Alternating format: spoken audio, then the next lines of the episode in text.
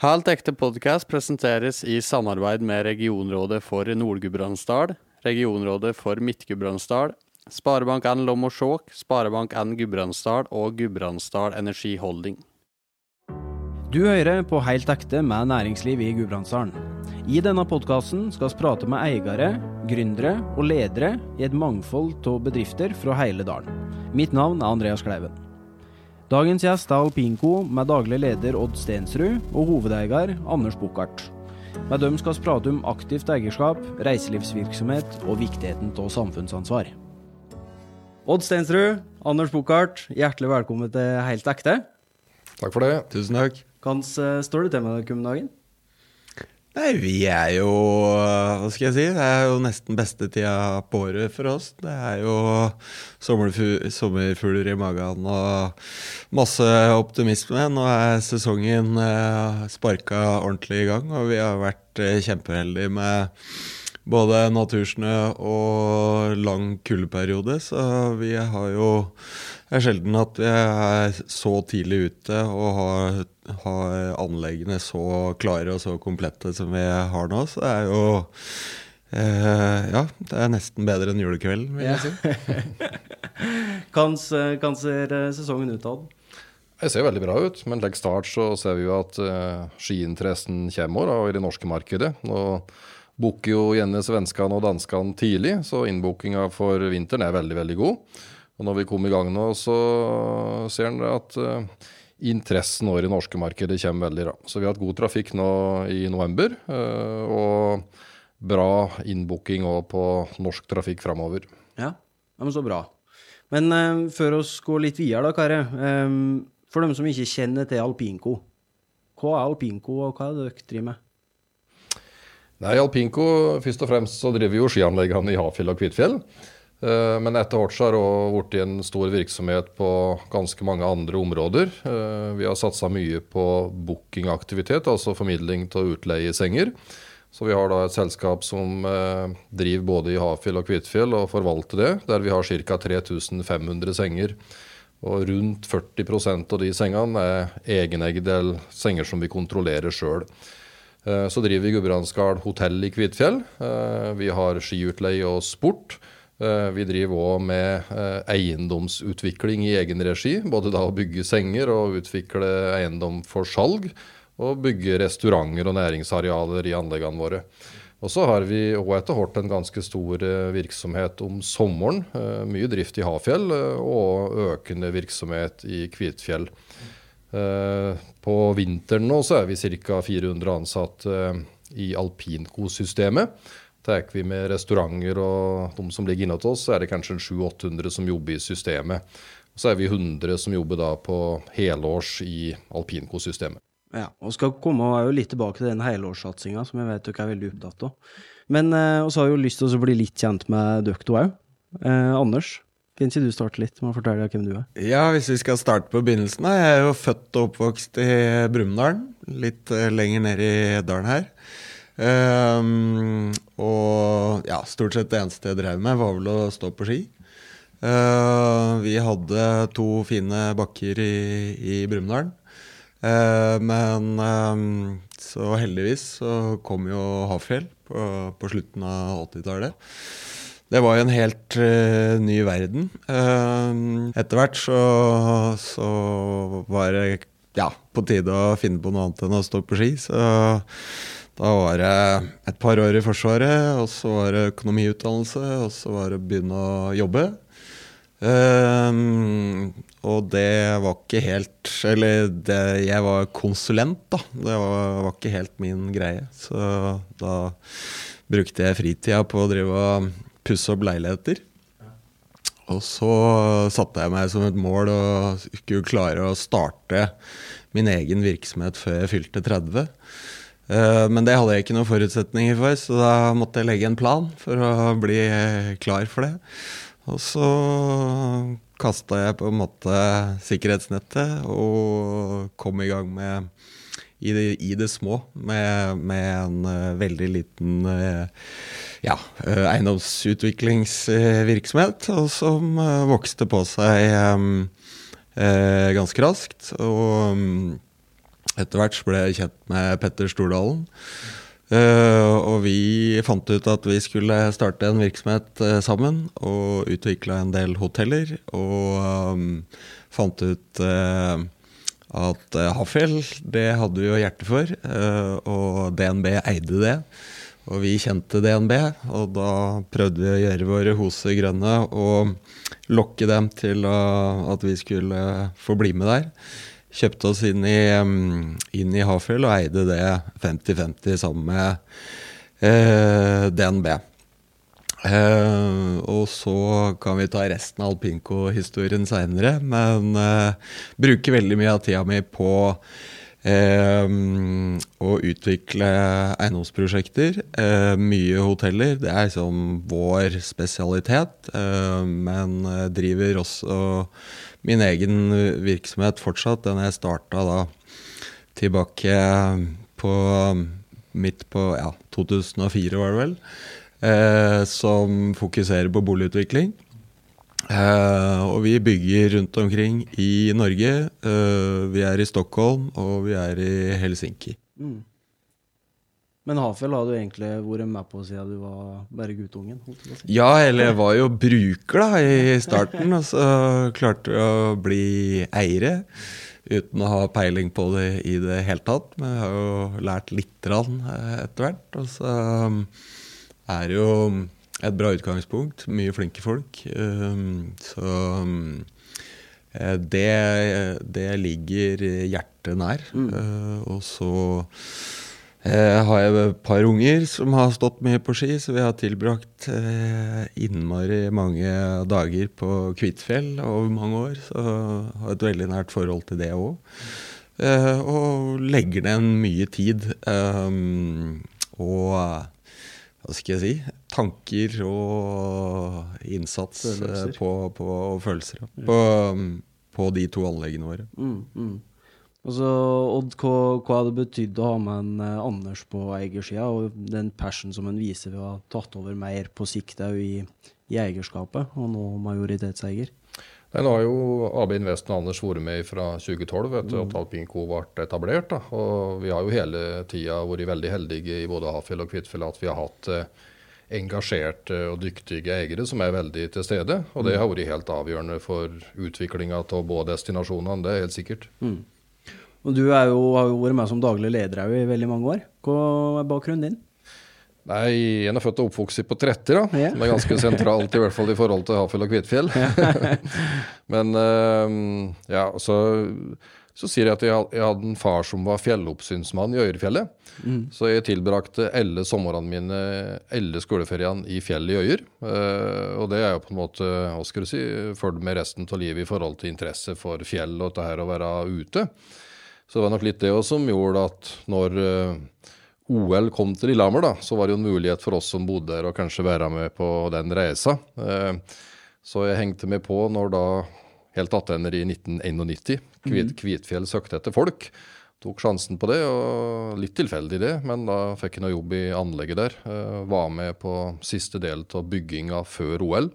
Eh, for de var veldig bevisste på det ledelsen den gangen, at de skulle ha tak i folk som kunne drive anleggene etterpå. da. Um, og så har det vært ulike roller da opp igjennom i Kvitfjell. Både i drifta og daglig leder da i Kvitfjellsystemet fra 2001. Uh, så ble det jo med da når det ble en fusjon her og Alpinco ble etablert. Mm. Og så ble det spurt om å ta over ansvaret da i Alpinco i 2013, var vel det da.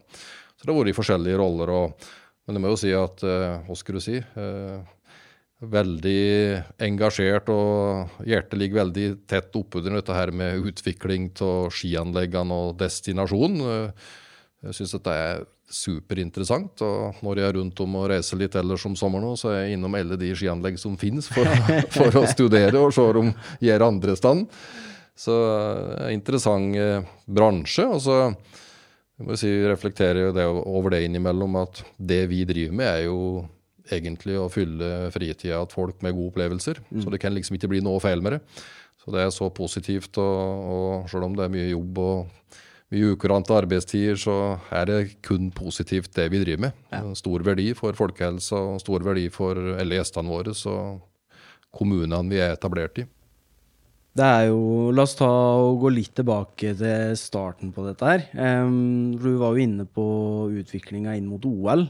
Um, og hvis vi starter med Hafjell, så var vel det en viktig del av Lillehammer-satsinga å få utbygd et anlegg for de tekniske disiplinene? Ja, Lillehammer søkte jo om OL første gangen i 92. Mm. Da toppa de jo mot Albertville. Uh, og så ble de vel enige om det, at de måtte investere i noen arenaer for å overbevise IOC. Så da ble jo Hafjell eh, starta opp, utbygginga der, og Kristinshall på Lillehammer. Så jeg tror nok det at eh, både Hafjell og Kristinshall da var avgjørende for beslutningen om å legge OL til Lillehammer da i 94. Mm. Og så har jo Hafjell en lang historie før det, for det har vært arrangert mesterskap i Hafjell både i 39 og 49, mener jeg. Så det er jo interessant. Det ligger jo noen gamle filmsnutter på det på YouTube. og det er Litt i samme traseen som var brukt da, som var brukt under OL på Lillehammer. da. Såkalte akademiske leker? Akademiske vinterleker ja. Eh, var arrangert der. Ehm, da, den gangen eh, så har jeg iallfall sagt at arrangementsbudsjettet var 30 kroner. Ja. og det gikk, gikk, med på da, å hugge ut linjer da, ja. som de brukte. Så eh, det er en morsom historie. Så da er det sagt at uh, nordmennene leda uh, øvre del, for der er det ganske flatt. da, og de Nordmennene var gode til å steke og ja. vant til å gå på langrenn. Men så tok jo da mellomeuropeerne at nordmennene nedover der det begynte å bli bratt. da.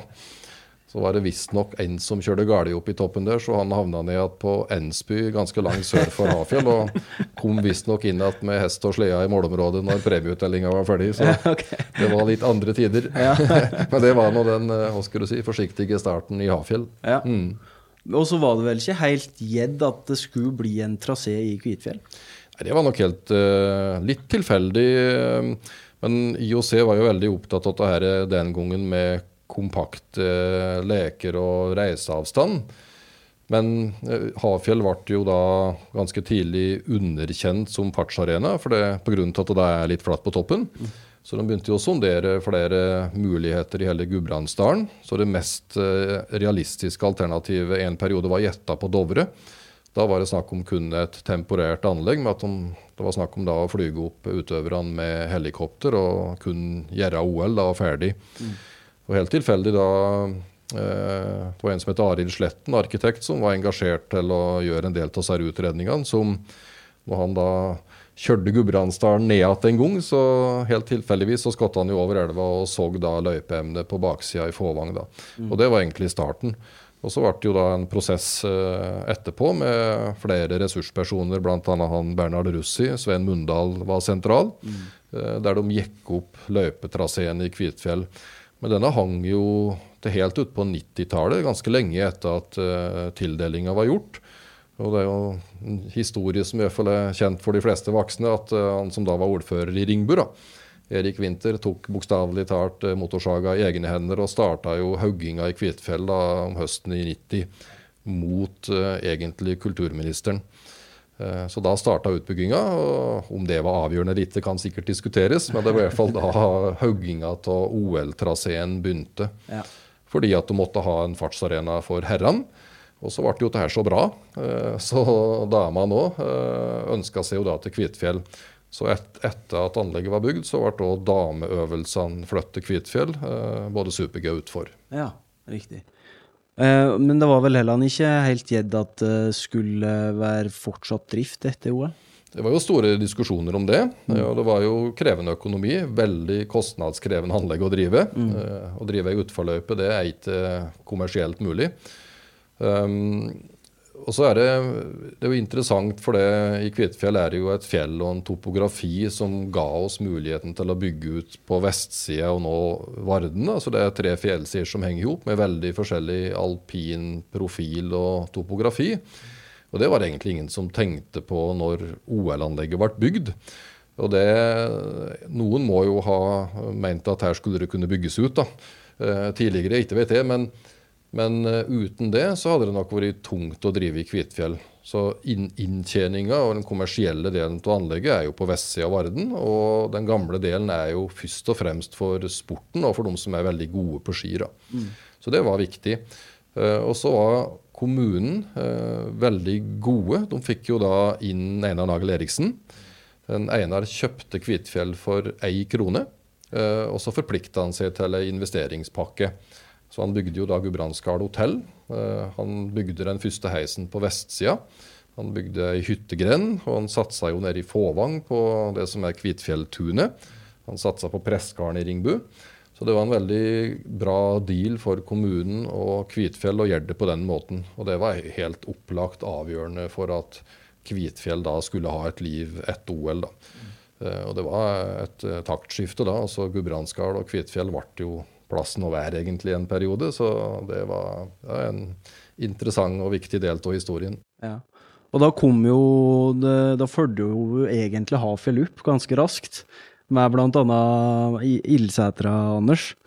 Ja, eh, det var jo lagt en del bra forutsetninger på Hafjell eh, allerede før OL. Du kan mm. si det, det, var jo planlagt at det skulle ha et, ha et langt liv. Kvittfjell Kvitfjell så var vel ikke det helt hogga i stein.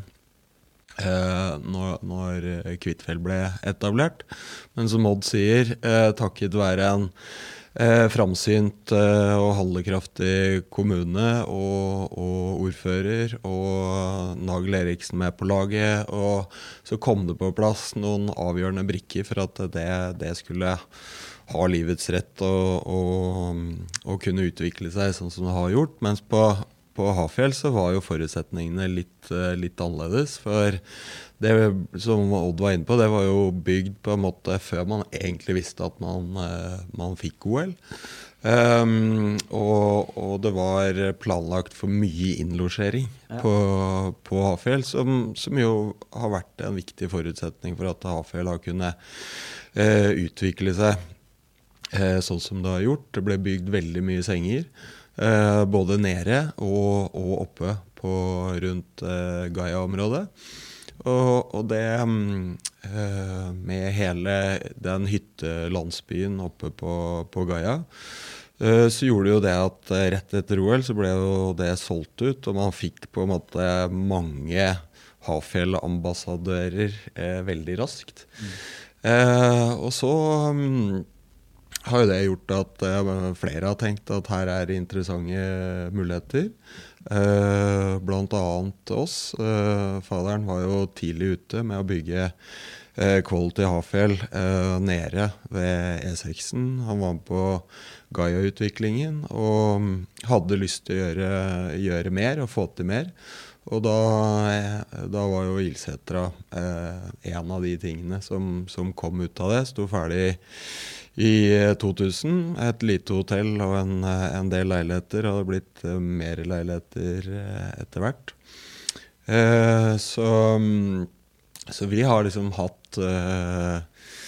hatt Hafjell nært og kjært veldig lenge. Og hatt ønske om å få til ting og skape ting og være til stede og være en ja, aktiv aktør da, mm. i den destinasjonen. Så hadde dere jo Du var litt inne på eh, at DNB var med på eiersida i stad, og DNB kom vel inn som en konsekvens av den perioden der Hafjell streva litt på 90-tallet? Det gjorde de. Det var vel ikke helt, de var vel opprinnelig ikke helt frivillig eier. Og det var jo før det var noe som het DNB. Det var jo Sparebanken Nord. Um, og, så, um, og, så, ble jo det slått sammen med DNC, som da ble DNB um, etter hvert. Og, og, da var det jo en, en entusiastisk uh, sjel i, i, banken som heter Jan Petter Dalum, som, som har på en måte snakka Hafjell sin eh, sak, både internt i banken og, og for omverdenen, eh, helt, helt siden den tida. Og han er jo aktivt med fortsatt og sitter i, i styret og er en ildsjel for, for, virksomheten. Mm. Investinor ble jo òg med på eiersida her. Ja. Hva var bakgrunnen for det? Nei, det var eh, Bakgrunnen var at det, det, var et statlig initiativ der man tenkte at Eh, staten burde skaffe seg et slags verktøy for å kunne være med å investere i eh, ulike virksomheter i Norge for å, for å skape utvikling og vekst. Eh, og så plukka de ut eh, noen bransjer de ønska å satse på. Reiseliv var en sånn, og innen reiseliv så var det skianlegg. Eh, og da begynte de å se seg om etter, etter muligheter hvor de kunne gå inn og investere, rett og slett. Um, og de kikka vel på stort sett det meste som var uh, av anlegg av en viss størrelse i landet. Um, og så banka de på hos oss uh, og ja, inviterte seg inn.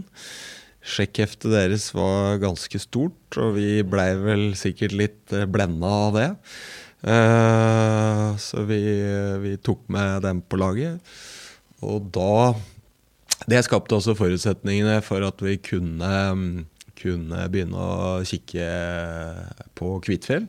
Vi hadde jo hatt uh, noen forsøk på på å få tak i Kvitfjell før Investinor kom, men, eh, men, Bjørn Erik Borgen, som var uh, eier den gangen, han, han, er jo en dreven forretningskar, så han, han, visste hva det var verdt, og forlangte det og mer til. og det syntes vi var litt dyrt og var mer enn vi hadde råd til, men når Investinor kom med, så, så hadde vi litt mer å rutte med. Så da da gikk det eh, ganske fort, egentlig. Uh, og da ble Alpinco etablert, da. Uh, så var de med en del år, men det er klart Vi erfarte vel at det er forskjell på statlig eierskap og privat eierskap. Vi er jo vant til å være handlekraftige, raske, lette på foten og snu oss rundt. Uh, statlig eierskap må på en måte forvaltes på en annen måte. Det er helt andre uh, prosesser. Um, så vi var vel ikke sånn Vi var vel ikke sånne super-teammates, akkurat. men Odd klarte på en helt uforklarlig måte å sjonglere dette her. og vi hadde jo en bra utvikling uh, i begge anleggene i de, um, i de åra der. Ikke kanskje på grunn av uh, eierfellesskapet, men på tross av. Og så er jo sånn med sånn, sånne investeringssystemer, de har ofte ikke sånn veldig lange horisonter. De skal inn, gjøre litt, prøve å uh, skape noen verdier, og så selge igjen og vise at de har vært flinke og tjent noen kroner. Og det, Sånn var det med Investinor òg. Så, um, så de, de, fant ut etter hvert at uh, nå var det på tide å, å avslutte det kapitlet. Uh, og um, Bjørn Erik og vi tok over i posten til, eh, til um, Investinor mm. i 2018. Og har da um, stått, eller sto skulder ved skulder uh, et, etter det, og, og, DNB ble med videre. Mm. Så det er vel uh, ja, oppsummert historien med Investinor. Ja, Eh, Bjørn Erik har jo da vært med helt siden dere tok over Kvitfjell Holding. Hva, hva har hen betydd? Hva hadde hen stått for som eier? Nei, jeg tenker Odd har jo vært med han fra, fra dag én, så det er jo det er Odd som på en måte kjenner hele den, den uh, historien. Jeg har hatt gleden av å være partner med Bjørn Erik fra 2014, men, men Odd kjenner han jo uh, mye lenger tilbake. Mm. Ja, Han kom jo inn i 2003, når Einar da måtte selge. Og det var jo Einar Lahl Eriksen som fikk en Bjørn Erik på banen, egentlig. Ja. Eh, kjente han fra før. Norsk-amerikaner, men uh, Bjørn Erik han brenner jo veldig for alpinsporten. Har jo ført det amerikanske landslaget opp gjennom, og det norske for så vidt. Og det gjør han enda. Ja. Uh, så kunnskapen har han. Og så bor han jo i Vail. Har vært aktiv der og i forhold til destinasjonsutvikling.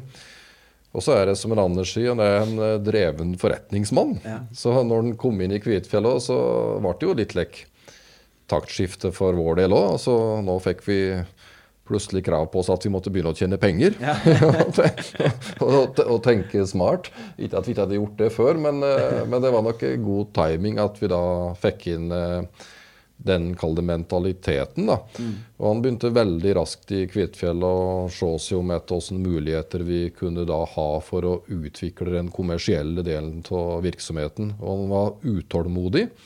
Så dette her sporet med å få til ting rundt Gudbrandsdal, få til et samarbeid med Kvitfjell Eiendom, Tom Hagen, det var det første prioritet. Men det lykkes vi ikke med. Eh, og da begynte vi veldig fort å se på mulighetene som lå på vestsida i Kvitfjell. Og da var jo han som heter Gunnar Jensen, eh, hadde begynt å, å utvikle og hadde fått godkjent en plan på vestsida. Så det ble eh, partneren vår. Vi gikk, vi gikk, i dialog med han. Og jeg tror vi ble enige i løpet av ei uke. Veldig enkle avtaler. Men vi hadde ett felles mål. Det var liksom å utvikle den kommersielle delen av vestsida i Kvitfjell. Gunnar var jo flink på infrastruktur, vei, vann og avløp. Eh, hadde en god plan for det. Og vi kunne drive skianlegg og bygge det. Så vi delte på en måte ansvaret oss imellom. Og så gikk vi til kommunen, da, Bjørn Erik og Gunnar og, og driftsselskapet, og dette er planen. Og kommunen eh, var positive til det. Så eh, det var egentlig forløsende for da hele den utviklinga som har skjedd på vestsida i Kvitfjell. Eh, men opplagt så var Bjørn Erik sentral i det, at vi klarte da å bygge nær relasjon med en Gunnar. Uh, Bjørn Erik hadde et veldig godt forhold da til kommunen, og spesielt ordføreren på den tida, Anders Frettheim, som òg var en veldig drivkraft i forhold til å få til ting i Kvitfjell. Ja. Vi skal prate litt om den eiendomsutviklinga som da skjedde påfølgende. Men eh, som daglig leder da, med litt ulike typer eierråd, handler det om å finne et felles mål og så sette retninga for å få alle til å trekke i lik retning? Ja, det, det, tror jeg er helt sentralt. Så vi har jo, vi har jo veldig gode, solide, gjennomarbeida masterplaner. Og det er kjempeviktig som et verktøy både for oss sjøl og kall styringsverktøy, og viktig for omgivelsene og kommunen. da. Men eh, det er noe slik som 220 skianlegg i Norge. Eh, 100-120 fjelldestinasjoner. Og det er veldig mange som jeg tror har hatt en ambisjon om å kunne komme dit Kvitfjell og Hafjellet og kanskje Trysil Hemsedal, men det er jo et veldig veldig fåtall som lykkes. Så det å ha den riktige tanken i forhold til hva som er kommersielt riktig og lønnsomt, det er helt grunnleggende. Det hjelper egentlig ikke med gode planer hvis du ikke er kommersielt innretta. For det, den store feilen mange går til, er jo at det kun bygges da private hytter og kalde enheter for salg. Mm. Og du bygger opp infrastruktur i gode tider. Og så blir det veldig krevende å drive når du da har et for tynt trafikkgrunnlag. da. Så det har jo vært opplagt forretningsmodellen vår, at vi må ha en balanse i den utviklinga. At det må være en næringsutvikling parallelt, og vi må evne å tilføre utleiesenger. Både privateide og senger som vi kontrollerer sjøl. Ja. Der ligger Trysil en del framme for oss, men vi har på en måte starta på den reisa og gjort mye de senere årene. da. Og Det er, tenker jeg, suksessfaktoren i forhold til lønnsomhet og uh, de mulighetene det gir i forhold til videre utvikling av destinasjonen. Ja, for dere har vært veldig tydelige på satsinga på den varmesenger. Og bare for distinksjon mellom varme og kalde senger? Det, det, er jo forskjellige former for varme senger. Eh, men de rene varme sengene er jo senger som går i 100% utleie gjennom hele året. Og Det kan jo være hotell. Vi har nå bygd eh, leilighetshotell da, både i, i Hafjell og Kvitfjell med Favn og Yttersvingen. Og så har vi bygd mange eh, hytter, vanlige hytter som går i ren utleie. Men så har vi òg mange private hytter og leiligheter eh, som vi formidler utleie på gjennom bookingen. Og den porteføljen varierer jo. Eh, men ca. 2000 av de sengene vi har, de er privateide. Og nå ser en jo at eh, det er økt interesse for å leie ut. Det går nok litt på at eh, det er litt mer krevende økonomi for hytteeiere nå. Og så kommer det jo inn en ny generasjon som uh, er mer vant med delingsøkonomi, og som syns det er greit kanskje å dele på leiligheta eller hytta si i fjellet. Da. Så å finne denne, eh, kall det balansen i sengeportefølja, og være gode på å drive formidling av utleie, så dette her blir lønnsomt for eieren. da.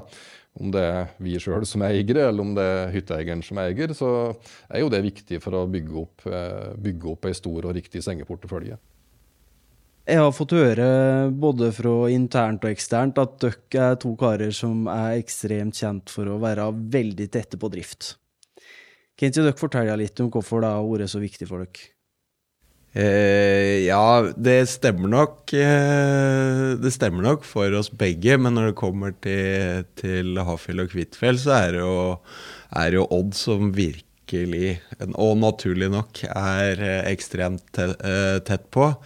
Han er jo den mest eh, komplette skianleggslederen som fins. Eh, og, og, på en måte kan egentlig alt, helt nede i liksom eh, det aller mest tekniske til å være visjonær og, og strategisk. Um, og jeg har en tendens da til å hva skal jeg si, blande meg borti og både engasjere meg og irritere meg og prøve å se muligheter og forbedringer og sånt. Så, så det der er jo en liten sånn avveining. Jeg prøver å legge litt bånd på meg sjøl i forhold til å i forhold til den rollen man har. Eh, men i alt Eller mye av de andre tinga jeg driver med, så er jeg ekstremt nedi, nedi detaljene. Og det, det, er jo litt lett å ta med seg inn i, inn i alpinko.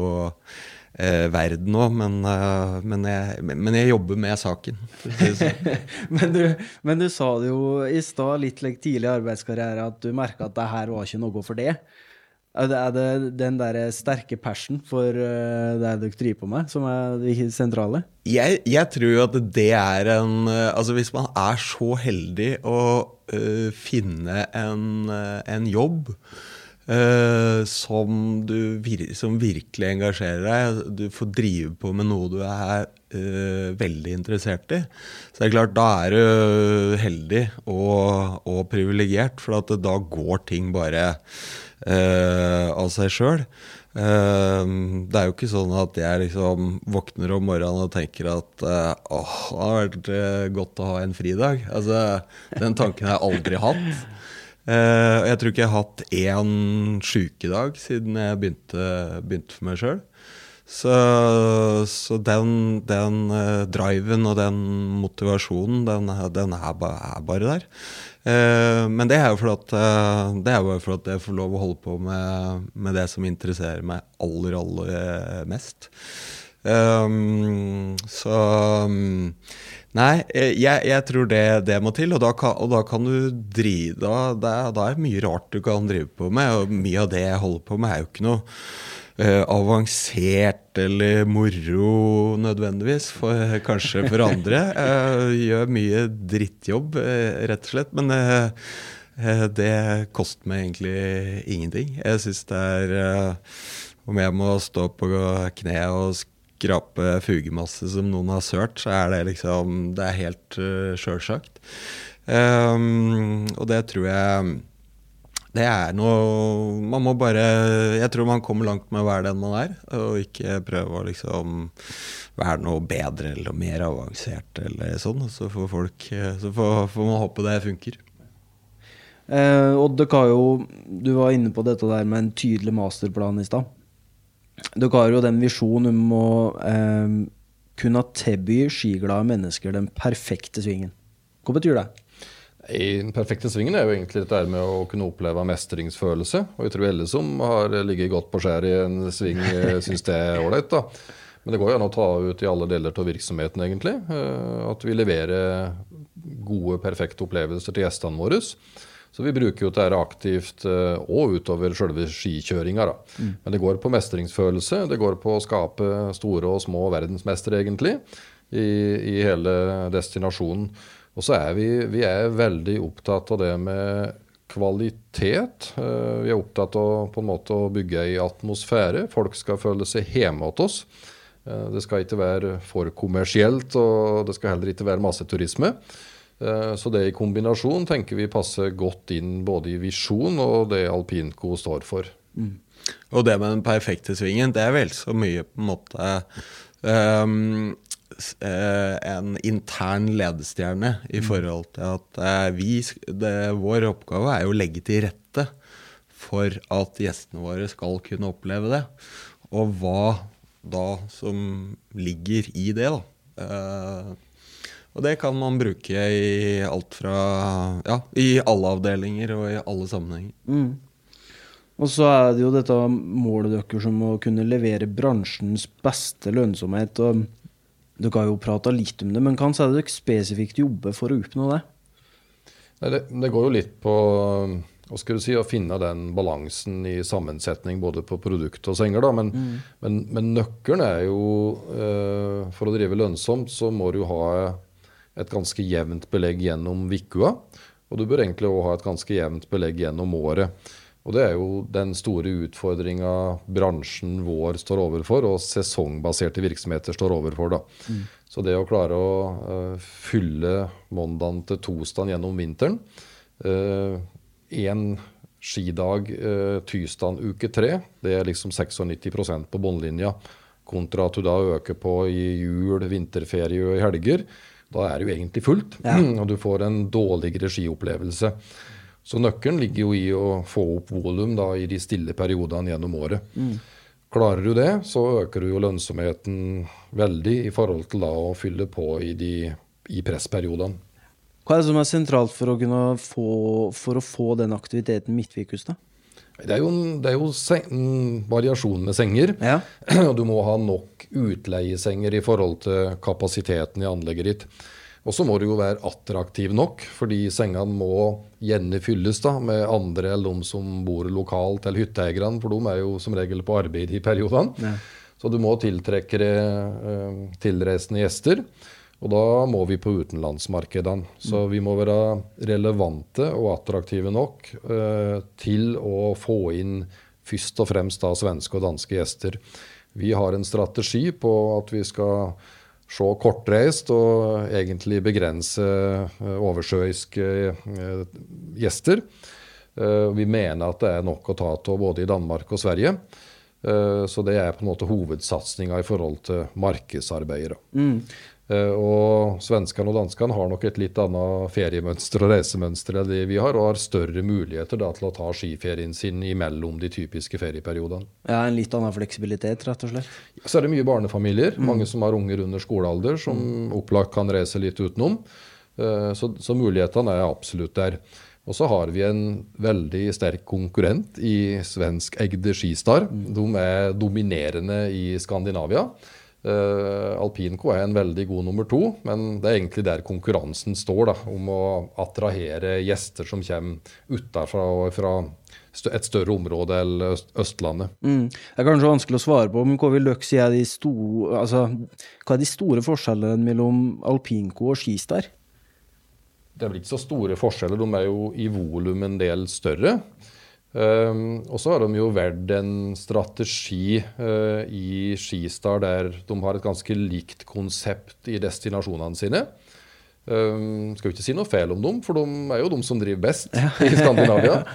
Men, uh, men, det er jo uh, borti strømlinjeforma. Uh, veldig gjennomkommersielt.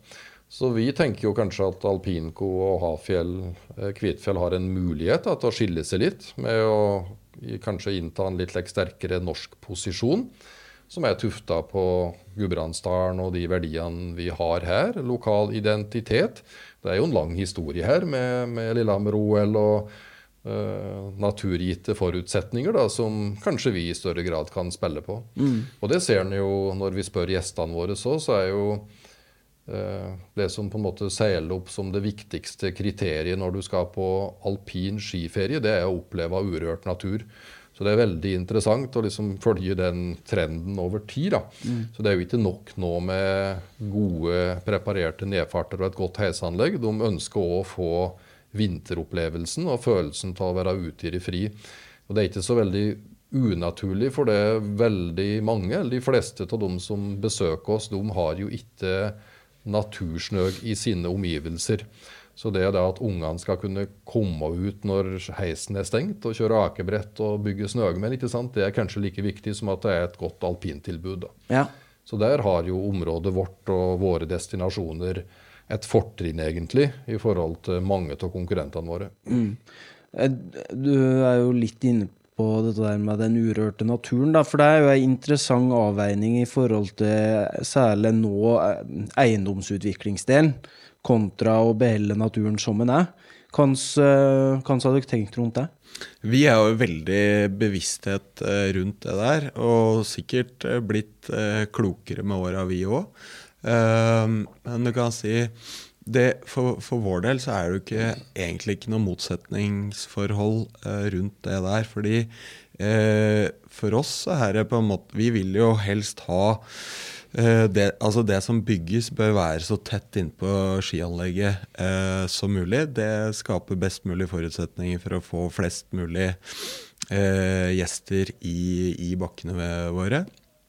Eh, og det innebærer samtidig at man eh, ikke Hva skal jeg si eh, ta, ønsker å ta i bruk mer urørt natur enn en nødvendig. Fordi mye er jo allerede bygd ut rundt nedfartene våre.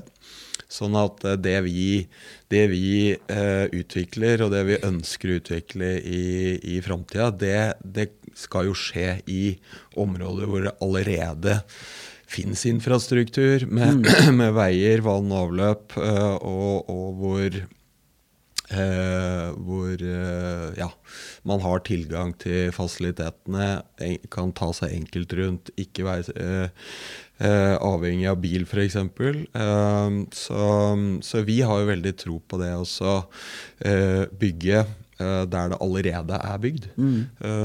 og da kan vi samtidig kunne opprettholde den kvaliteten med, med den urørte naturen vi har eh, som omgir anleggene våre. Ja. Må, eh, må, dere der tenke ulikt med Kvitfjell kontra Hafjell?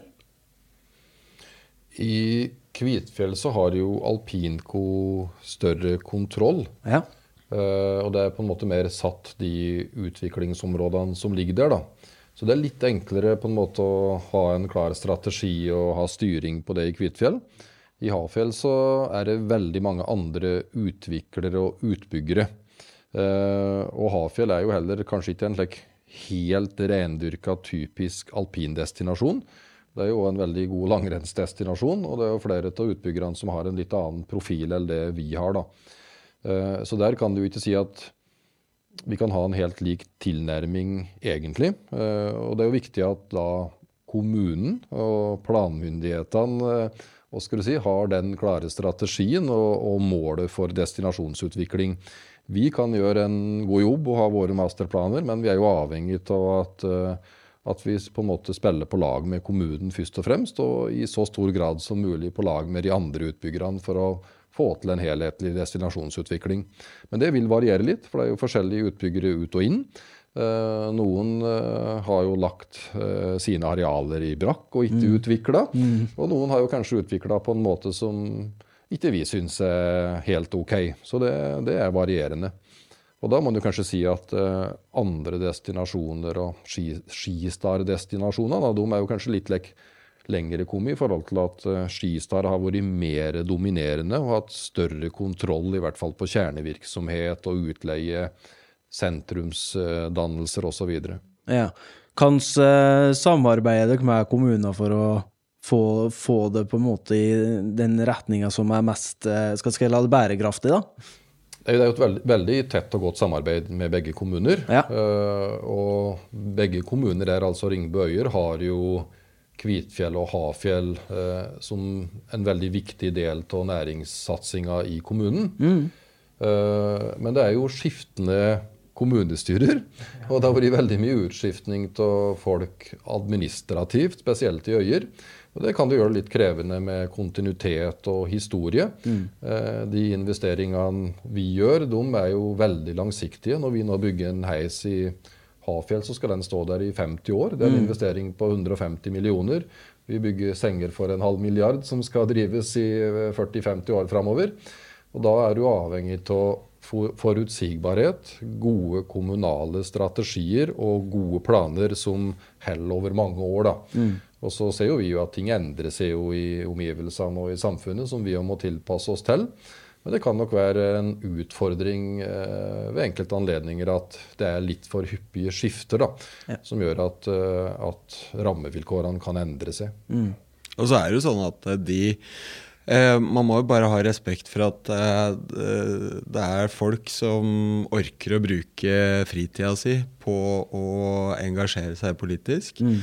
Eh, og, og som lokalpolitiker så, så kan man ikke forvente at man på en måte har kunnskap og kompetanse på alle mulige fagfelt og, og områder. Sånn at eh, det tar jo gjerne tid å bygge seg opp eh, hva skal jeg si, innsikt i både hvordan vår virksomhet eh, fungerer, hva som skal til for at, eh, at den har gode eh, vilkår, eh, hvordan man jobber med planarbeid, eh, arealdisponering, eh, sånne ting. Så, mm, så, så, så, man måtte rett og slett eh, erkjenne eh, og skjønne seg på det. Mm.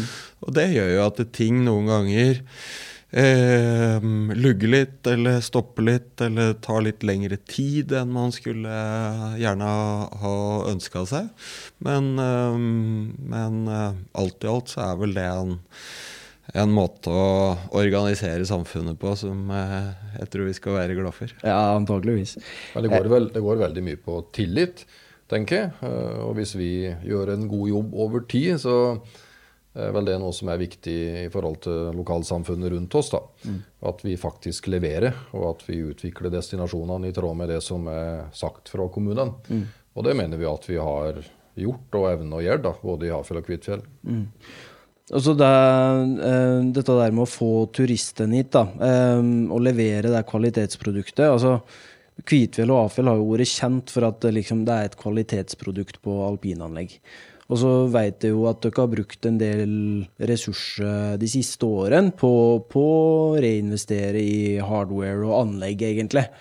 Hvor viktig har det vært for å både sikre, men òg ta et steg videre på produktsida? Det har jo vært Du kan si vi har jo en eh, eh offensiv eh, hva skal jeg si, innstilling.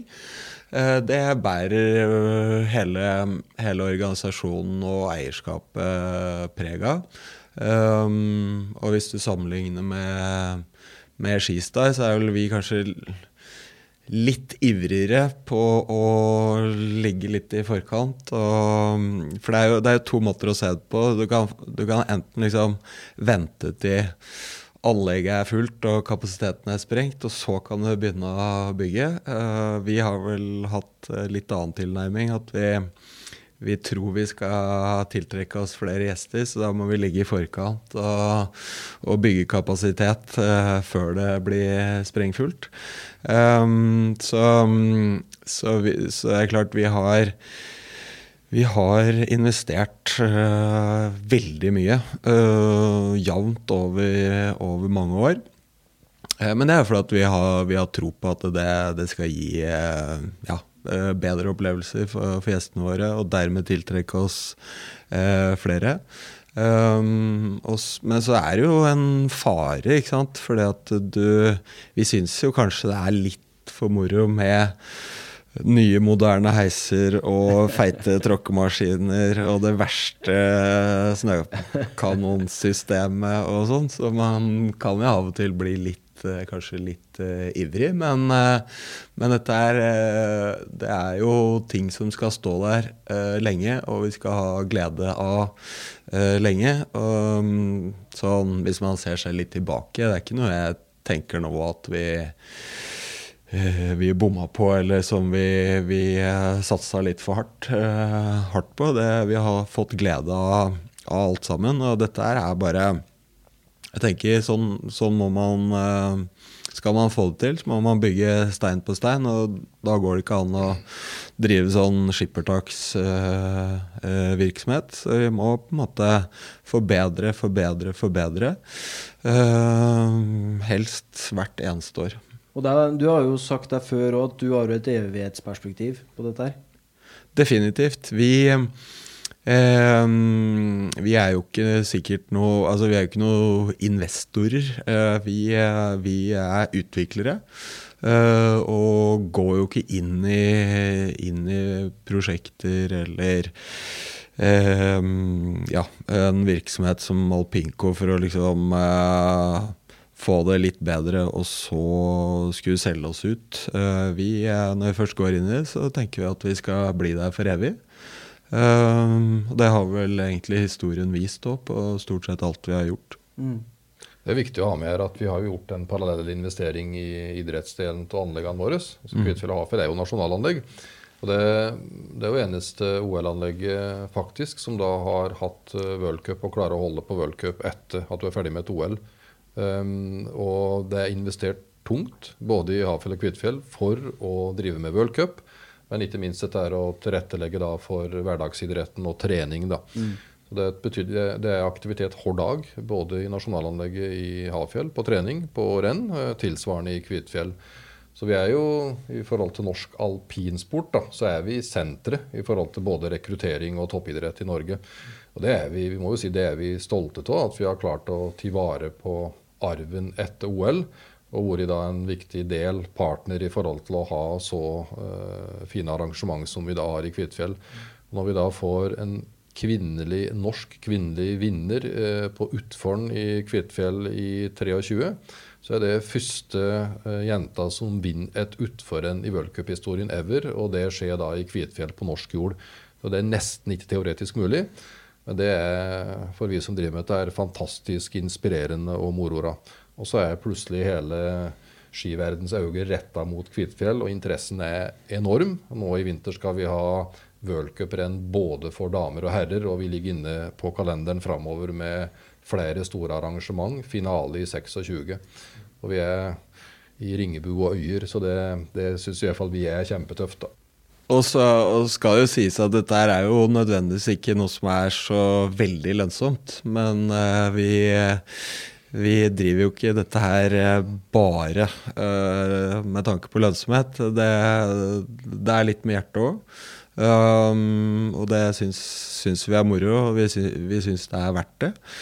Um, og så har man jo på en måte et ansvar for å, for å bidra uh, litt utover seg sjøl, og da er det en uh, naturlig ting for oss å, å gjøre. Mm.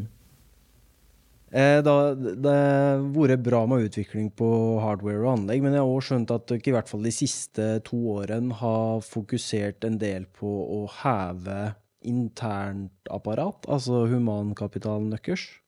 Ja, vi, vi, investerer jo mye i folk uh, og utvikling av organisasjonen. Så det er jo flere områder, og vi må jo ta det litt etappevis, for det er jo, det er jo mye jobb. Mm. og det, det, krever en del å rekruttere inn rette medarbeidere. Men etter Alpinco, så, etter Alpinco ble etablert, så har vi jo samla en del funksjoner. Så et viktig satsingsområde for oss er jo å få til en kommersiell kraft, eller kommersiell avdeling. Så vi har samla salg, eh, markedsføring, digital utvikling, forretningsutvikling. Og så har vi brukt mye energi de siste to årene nå på å gjøre virksomheten mer gjesteorientert og gjesteretta. Så det som da heter Hafjell Kvitfjell Booking tidligere, det er nå hospitality og gjestesenter. Så vi flytter veldig mye av ressursene våre og våre dyktige ansatte ut i destinasjonene. Og vi skal møte gjesten der den trenger hjelp og service. Mm. Eh, så det er en endring fra å kanskje være litt like, teknisk operativ til å tenke at vi er faktisk en gjestearena, og vi er til stede her for gjesten. Da. Og det er ting vi jobber med. Eh, og dette er jo riktig å ligge i forkant på det. Eh, og så er det riktig òg både økonomisk og bærekraftig med en slik tanke inn. Eh, så det er nok den største transmisjonen da, som mm. vi nå er i gang med. Eh, og når du da ser attender på at vi egentlig har en opprinnelse som to skianlegg, så er kanskje dette er noe av det viktigste for oss for å da ta steget til å bli en komplett destinasjon. Da. Det er mm. egentlig folkene som utgjør forskjellen. Altså, jeg skjønt at dere, dere, tok et lite steg i forhold til å danne det eh, Dere har tatt i bruk kamerateknologi fra flyplasser for å egentlig skape et slags interaktivt løypekart.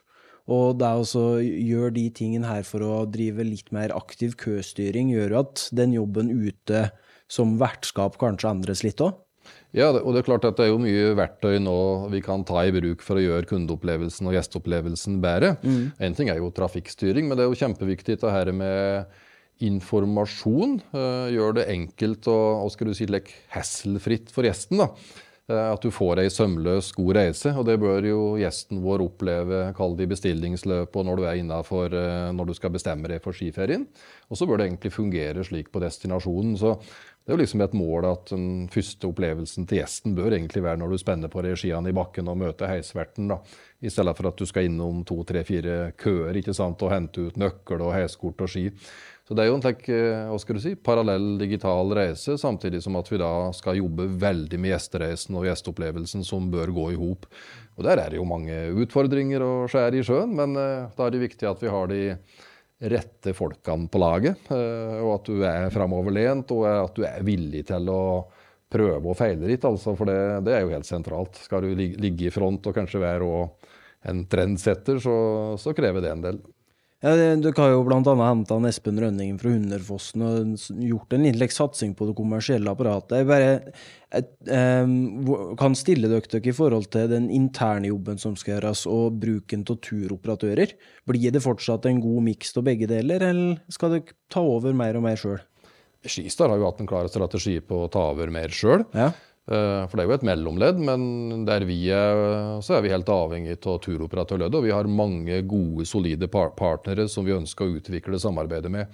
Men kanskje kan det være at vi har færre og større. At det er noen som vi har et tettere samarbeid med. Vi har hatt veldig mange små som leverer veldig variabelt. da.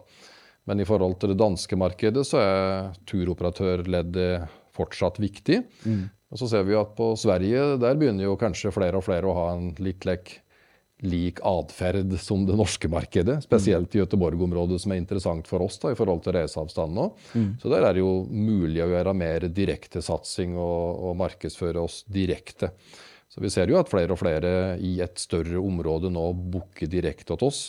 Uh, og det tenker jeg er jo bare en del av utviklinga og veksten. da, At du får vekst i begge disse her eh, kalde markedene. Mm. Når dere, nå, når dere da går ut og prøver å si, lokke disse turistene, hva, hva er det dere ser at turistene er opptatt av? Vi var jo innom dette med et kvalitetsprodukt i skibakken, men utover det? Nei, vi er jo, vi, det er jo avgjørende å skjønne seg på kunden. Det, det høres kanskje opplagt ut, men det, det, viser seg i mange bransjer og virksomheter at eh, noe så enkelt det er ikke alle som egentlig er nok bevisst på. Så man prøver å liksom skaffe seg et bilde av, av hva er det som virkelig teller, og du har jo vært inne på det. Um, vi tenker jo fort at liksom, vi skal ha de beste bakkene og de beste heisene og sånt men det er, det er, mange andre faktorer som, uh, som teller. Og de fleste, eller mange av våre gjester, er jo ikke nødvendigvis eh, hva skal jeg si skieksperter eller eh, kjempedrevne skikjørere. Og det er viktig å liksom skjønne, skjønne, seg på det. Man kan ikke bruke seg sjøl liksom, som, eh, som, referanse, for da hadde nok disse anleggene sett litt, eh, litt annerledes ut. Um, men det er det å på en måte skjønne seg på alle de faktorene som, som spiller inn, uh, som gjør at én uh, ting er jo på en måte være god på markedsarbeid og tiltrekke seg folk, men, men uh, det aller viktigste er jo når de først har kommet til oss, at de blir kjempefornøyd. for da er det stor sjanse for at, man, at de kommer tilbake. Så det, det å øke den be, eh, bevisstheten der, sette seg liksom eh, inn i gjesten sitt eh, sted, eller i skoa til, til gjesten, det, det, tenker jeg at der har vi tatt noen, noen store skritt. Og det har vi liksom jobba veldig bevisst og, og målretta mot. For som vi var inne på i stad, man blir fort litt sånn eh, bransjenerd, holdt jeg på å si. Vi, vi, eh, det er jo innmari moro å ha liksom de best preparerte bakkene, den beste eh, snøen. Eh, men vi må huske på hvorfor gjør vi det. Eh, det er jo for at eh, gjestene skal få en god opplevelse. Ja. så det er noe sånn Eh, det, det mindsettet der er på en måte viktig å få liksom, inn i ryggmargen på, på, hele organisasjonen. Og, jeg føler vi har hatt um, eh, lagt ned mye tid fokus, krefter, eh, på det der de siste åra. Som du var inne på. Um, investert, vil jeg si, uh, i uh, dyktige folk. Så, og det begynner vi å se resultater av nå. Mm. vi har jo aldri hatt sånn, et sånn forhåndssalg før, før sesongen begynner. Uh, og, det, um, uh, og, det, er i tider som ikke akkurat uh, Eller økonomiske tider hvor det går så det suser. Så, um, så, vi har på en måte ikke Det er ikke resultatet at vi har hjelp av et godt marked. Jeg tror snarere at vi um, vi har gjort mye bra. Vi har økt kjennskapen vår, gitt folk gode opplevelser når de har vært der tidligere. Det ryktes. Uh, flere um, blir kjent med oss, uh, blir nysgjerrig på oss og får lyst til å enten komme tilbake eller, eller prøve oss for første gang. Ja. Vi hadde, hadde et uh, morsom historie, egentlig. Nederlandsk par som kjøpte leilighet til oss i et prosjekt vi har i Kvitfjell. Og Så trefte jeg på dem i, i, høstferien, for da skulle de opp og se på progresjonen i prosjektet. da. Så jeg lurte litt på hvorfor de hadde kjøpt seg leilighet i Kvitfjell. Egentlig ganske dyr leilighet. Eh, da hadde de, Dette her var virkelig eh, oppegående folk. Veldig gode på ski. Hadde vært i Alpene i 15 år rundt om i hele Europa med familien. Og helt tilfeldig at de kom da til Kvitfjell i vinter. De bodde fem dager oppe i Varden. Og dag fire så kjøpte de seg leilighet. Og det, Grunnen til det var at dette her var første plassen de hadde vært i. De virkelig følte roen at de kunne slippe ned skuldrene, og at de trygt kunne slippe ut ungene sine i bakken. Det var liksom så viktig for dem. Og første destinasjonen da, på 15 år, de opplevde det. Ja. Og så var de veldig på dette her med at det var naturlige omgivelser, stutt vei til fjellet, gode serveringssteder. At det var en atmosfære som de tiltrekte dem veldig. Da. Mm. Så det er liksom gode refleksjoner og kanskje like, verdier da, som ikke vi tenker over i det daglige. Men når du får de fra den type gjester, så eh, er det verdt å tenke over. Og verdt å tenke over i forhold til å ta vare på det. Våren 2020 så traff jo korona oss, um, og det, det fikk jo litt konsekvenser for, uh, for uh, alpinbransjen og reiselivsnæringa. Hvordan var det for dere? Det var jo en veldig spesiell tid. Jeg husker jeg satt i styremøte i bransjeforeninga i Oslo. og Han som var styreleder, jobba da i Hemsedal. og Så fikk han en telefon fra kommuneoverlegen at nå stenger vi anlegget deres. Så det var liksom som lyn ifra klar himmel. Men eh, bransjen da, bransjeforeninga snudde seg veldig fort rundt og tok tak i mulighetene og utfordringene. Slik at vi da til neste sesong så hadde vi på en måte planen klar med åssen vi kunne drive anleggene på en trygg og sikker måte i forhold til smittevernreglene. da. Og Det lyktes vi jo med i Norge, og bransjen lykkes mer i forhold til at det var veldig tett kontakt med helsemyndigheter og helt opp på eh, regjeringsnivå. Ja. Uh, og da fikk vi uh, aksept for det, og vi fikk drive enn da med redusert kapasitet. da. Og Den største begrensninga for Alpinco og de større anleggene var jo at grensene var stengt, så vi fikk jo da ikke inn utenlandske gjester en periode. Men vi hadde grei trafikk med nordmenn. Spesielt i Kvitfjell så hadde vi en trafikk som var nesten oppå et normalnivå. Men vi måtte jo, som veldig mange andre virksomheter, redusere da deler av tilbudet vårt og åpningstider. Men vi kom oss veldig greit igjennom. Vi tjente faktisk litt penger på covid-årene. Så um, veldig nyttig erfaring å ha med seg, og fin måte å jobbe på når du ser at uh, hele bransjen går i hop. Og det fellesskapet, så kan du lykkes med veldig mye. Og det har vi òg tatt med oss etterpå i forhold til at vi nå jobber veldig aktivt med rammevilkår. Eh, regelverk eh, opp mot myndighetene osv. Eh, gjennom bransjeforeninger. Mm. Og så fikk kom oss jo endelig dit at uh, det begynte å løsne på, på nedstengingen. Og så fikk oss en skikkelig baksmell på aktivitetsnivå, der plutselig kostnader begynte å springe i taket. Hvordan var overgangen der? Nei, det var, det var jo litt spesielt. Man, man trekker liksom et lettelsens uh, pust um, og tenker at nå er vi, er vi, over. Og så kommer, kommer neste smell. Da var jo eh, hovedsak dette her med strøm.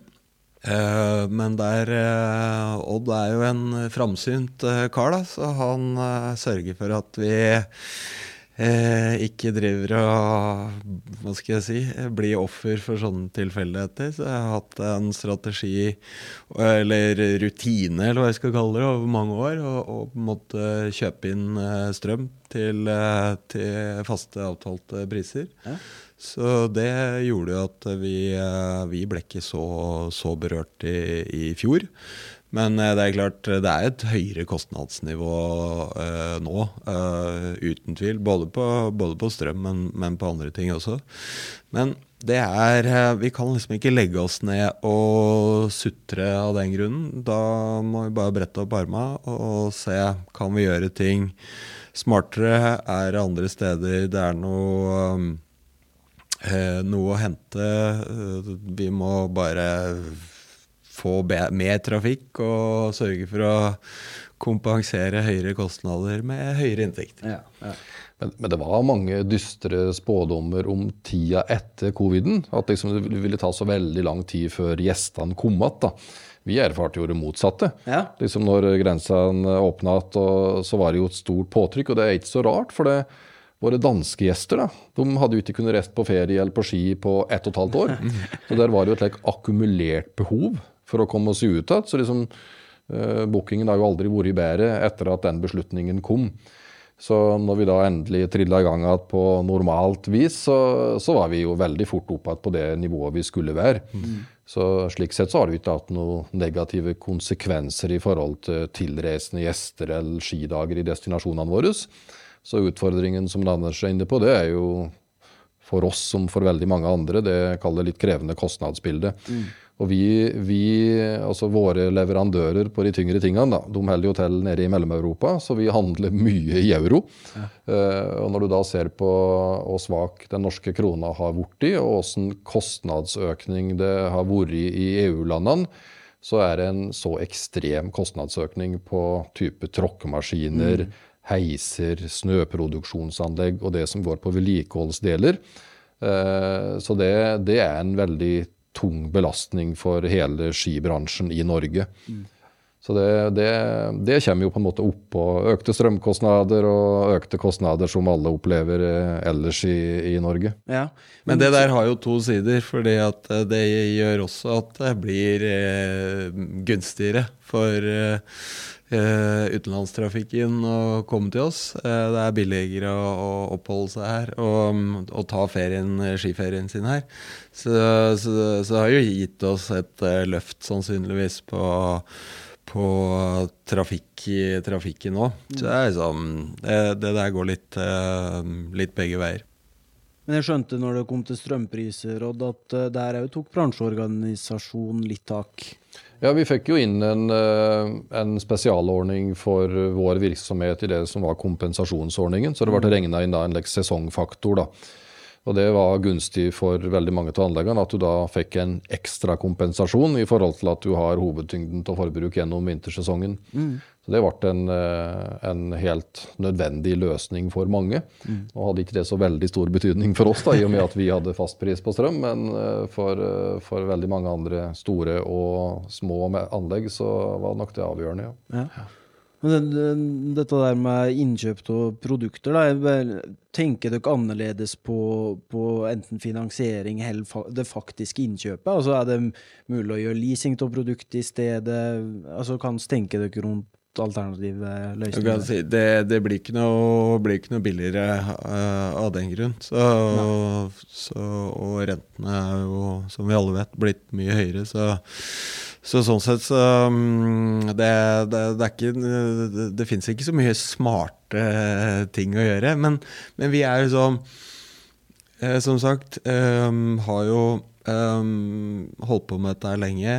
Tenker langsiktig og prøver å eh, være bevisst på å redusere risiko der vi kan. Sånn at vi, vi prøver jo å sikre renter, eh, sikre strømpris, sikre noe valuta, sånne ting. Sånn at vi ikke blir så sårbare for eh, brå og uventa svingninger. Da. Mm.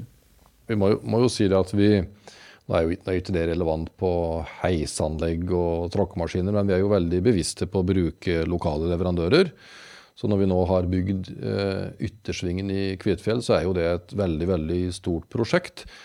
Og så er det Stenomgard Bygg som har kontorer nede på Fåvang, som er hovedentreprenør som bygger for oss. Og åtte av ti underentreprenører hos dem eh, har adresse i Midtdalen. Så vi syns det er helt fenomenalt at det uh, fins både kapasitet og en slik kompetanse til å gjøre det, og til å ta opp konkurransen da med Veidekke og de større entreprenørene. Mm. Så det er mye flinke folk, og vi håper jo og tror jo at uh, utviklinga til Hafjell og Kvitfjell har vært en bidragsyter for å bygge opp da, entreprenørvirksomheter stort og smått, både i, både i Øyer og Ringbu, og det ser vi jo. Mm.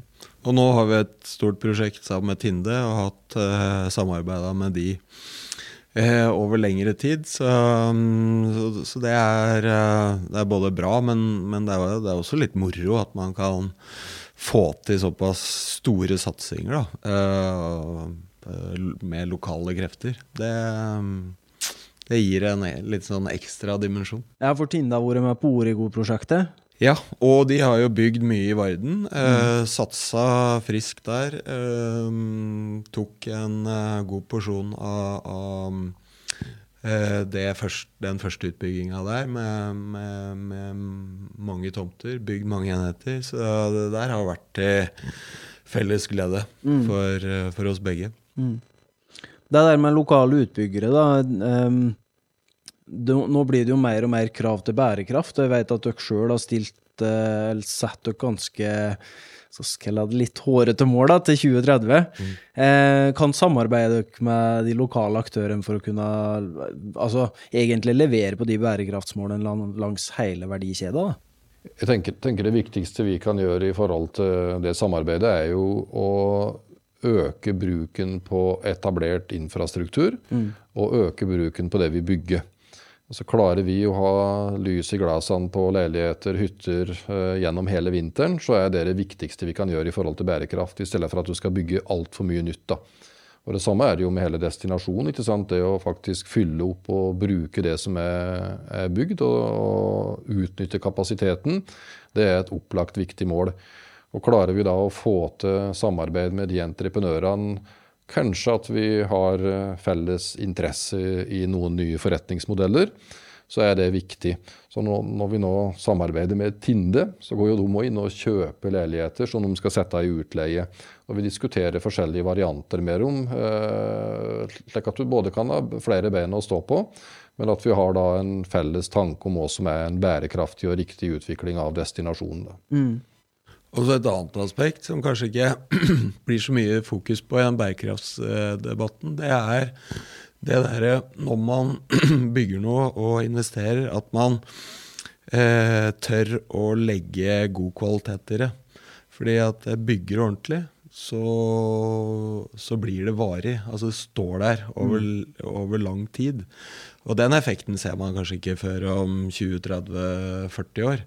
Men, eh, men eh, man må tenke sånn eh, allerede nå. For det er mye mer bærekraftig å bygge noe som er skikkelig, enn noe som er hva skal jeg si, billig og dårlig. For det, det står seg ikke over tid.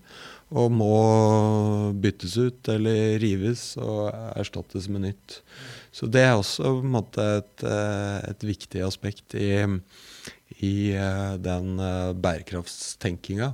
Og så har vi gjort mye på dette her med du kan si, Det med både, uh, snøproduksjon er jo til en viss grad energikrevende, men, men også preparering og, og tråkkemaskiner og sånne ting. Og der jo, har vi investert tungt, både i utstyr, men også i kompetanse hos folk, for å på en måte Eh, ikke produsere mer snø enn man trenger, eh, og sørge for en prepping som gjør at eh, man har så få maskintimer og utslipp som mulig knytta til det. Så det er mange felter vi kan få til mye på. Så har vi jo et veldig godt samarbeid med kommunene og skolene, da, både i Øyer og Ringbu. Eh, barneskolene har jo eh, fritt sesongkort hos oss, og vi har jo et godt samarbeid med ungdomsskolene i forhold til skidager og veldig rabatterte kort. Så målet vårt er jo å få alle unger og ungdom i bygda ut på ski. Uh, jeg tenker Alpint er jo en, det er en lavterskelaktivitet og et godt alternativ til organisert idrett. Da. Så vi syns det er kjempemoro når Kvitfjell brettklubb, uh, Hans Torgersen som er borte på hjørnet her, primus motor, når de har med seg 45 unger om kvelden som leker seg i parken på vestsida, så er det fantastisk viktig for, for både hva skal du si, integrering, alle er med, leik og moro og fysisk aktivitet. For kanskje unger som ellers ville ramla litt utenom eh, fotball eller portkjøring eller hva det er for noe. Ja, og Så har dere jo hatt et samarbeid med Kirkens Bymisjon? Ja, vi har prøvd i hvert fall å, å få til noe samarbeid på det. Så vi har jo tilbudt da vinterferieopphold for familier som er litt vanskeligstilte, og prøve å få dem ut på ski. Så det er noe, i hvert fall et lite bidrag da, eh, til de som kanskje ellers ikke ville hatt muligheten til det. Men det er et opplagt mål for oss å få flest mulig ut i bakken, mm. få prøvd dette her. Og vi prøver å tilrettelegge så mye vi kan, både lokalt og til kanskje svakere stilte grupper på det. Mm. Og, nå, altså, og, det blir jo naturlig nok veldig mye skiprat. Yes. Eh, og skal etter hvert gå inn for landing her, men eh, kan seg utsikt, dere er jo veldig opptatt av å bygge ut både Kvitfjell og Afjell som helårsdestinasjoner. Kan seg utsikten deres der framover? Vi har jo, vi har jo tro på, på, sommeren, eh, og også i et sånn bærekraftsperspektiv. Det er jo egentlig for dumt at eh, så eh, fine anlegg skal stå brakk halve året. Så, så, det er også en viktig, viktig del av det. Ikke bare Én ting er liksom å fylle, fylle kapasiteten i, i skisesong, men det er også å få tatt i bruk godt på sommeren også. Um, og, og, med de ja, fasilitetene vi har, da, både på, på, heistransport og på servering og sånne ting, så, så, så, har vi jo egentlig forutsetningene på plass allerede. Og så er det det å fylle det med innhold og aktiviteter som folk eh, tiltrekkes av. Og ikke minst fange opp uh, Det er jo mye ferietrafikk og sommertrafikk i regionen og i dalen. Uh, så på en måte kundene er jo her. Uh, så er det å få dem opp på fjellet. Og hvis man ser nede i Mellom-Europa, så er det jo helt utrolig mye, mye trafikk i, i sommerhalvåret i mange destinasjoner. Så Eh, så folk har jo uh, opplagt et ønske om, uh, om frisk luft og, og, omgi seg med natur og være, drive med fysisk aktivitet. Um, også, men, men, det gjør seg ikke sjøl, så vi, vi, har absolutt en vei å gå der. Men, men at potensialet er der, det er ikke noe tvil om. Det er en veldig forskjell på vintergjesten og sommergjesten. Da, for det, De tilreisende om vinteren de er jo igjen i destinasjonen hele oppholdet sitt, da, om det er langhelg eller hele uka. Men som sommeren så er jo vi en del av Gudbrandsdalen, egentlig. Så når de da bor fem dager i Kvitfjell, så er de jo igjen en dag på Lillehammer, og de er på Sjoa og Raft, og de mm. går fjellturer. Så da er det viktig for oss å ha samarbeid med aktørene rundt oss og kunne synliggjøre det fantastiske tilbudet som er i hele dalen vår. da. Mm. Så I Kvitfjell så er det veldig naturlig å se både innover fjellet og nordover som en eh, del av sommersatsingen. Mens i Hafjell så er jo Hunderfossen og Lillehammer da, veldig sterkere drivere for trafikken. Så der har vi jo et tett og godt samarbeid. Mm. Slik at vi kan ha Hunderfossen-gjester i våre senger, og, og, og omvendt om vinteren, da. Veldig bra. Dere, hvis vi skal prate litt utsikter, da. Hva, hva, er de største mulighetene dere ser for næringsliv i Innlandet og Gudbrandsdalen framover? Det er, jo, det er, jo, vanskelig for oss å si noe annet enn at uh, vi, vi, mener at uh, å satse på reiseliv er riktig.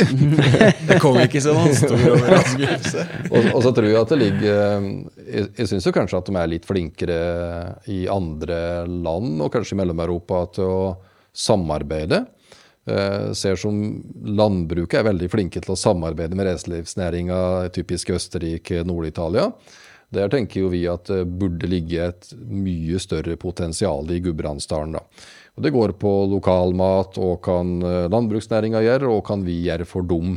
Eh, vi har jo et godt samarbeid med grunneierne i anleggene våre, men eh, vi tenker at det er mer å gjøre på der, og større muligheter både for reiselivet og for landbruket i hop. Mm. Og jeg tenker, altså Vi har jo noen forutsetninger i regionen som er helt, helt unike. Altså Vi er liksom hovedforbindelsen eh, mellom eh, Oslo og Trondheim. Man har, noen, man har en natur og topografi som, eh, som er tiltrekkende. Um, vi har toget, ikke minst. Um, og vi har nærhet til hva skal jeg si, store befolkningsgrupper. Uh, Gardermoen er, uh, er, ikke langt unna. Så, så, så, sånn sett så har vi liksom veldig avgjørende faktorer på plass. Da. Så, så det burde absolutt være mulig.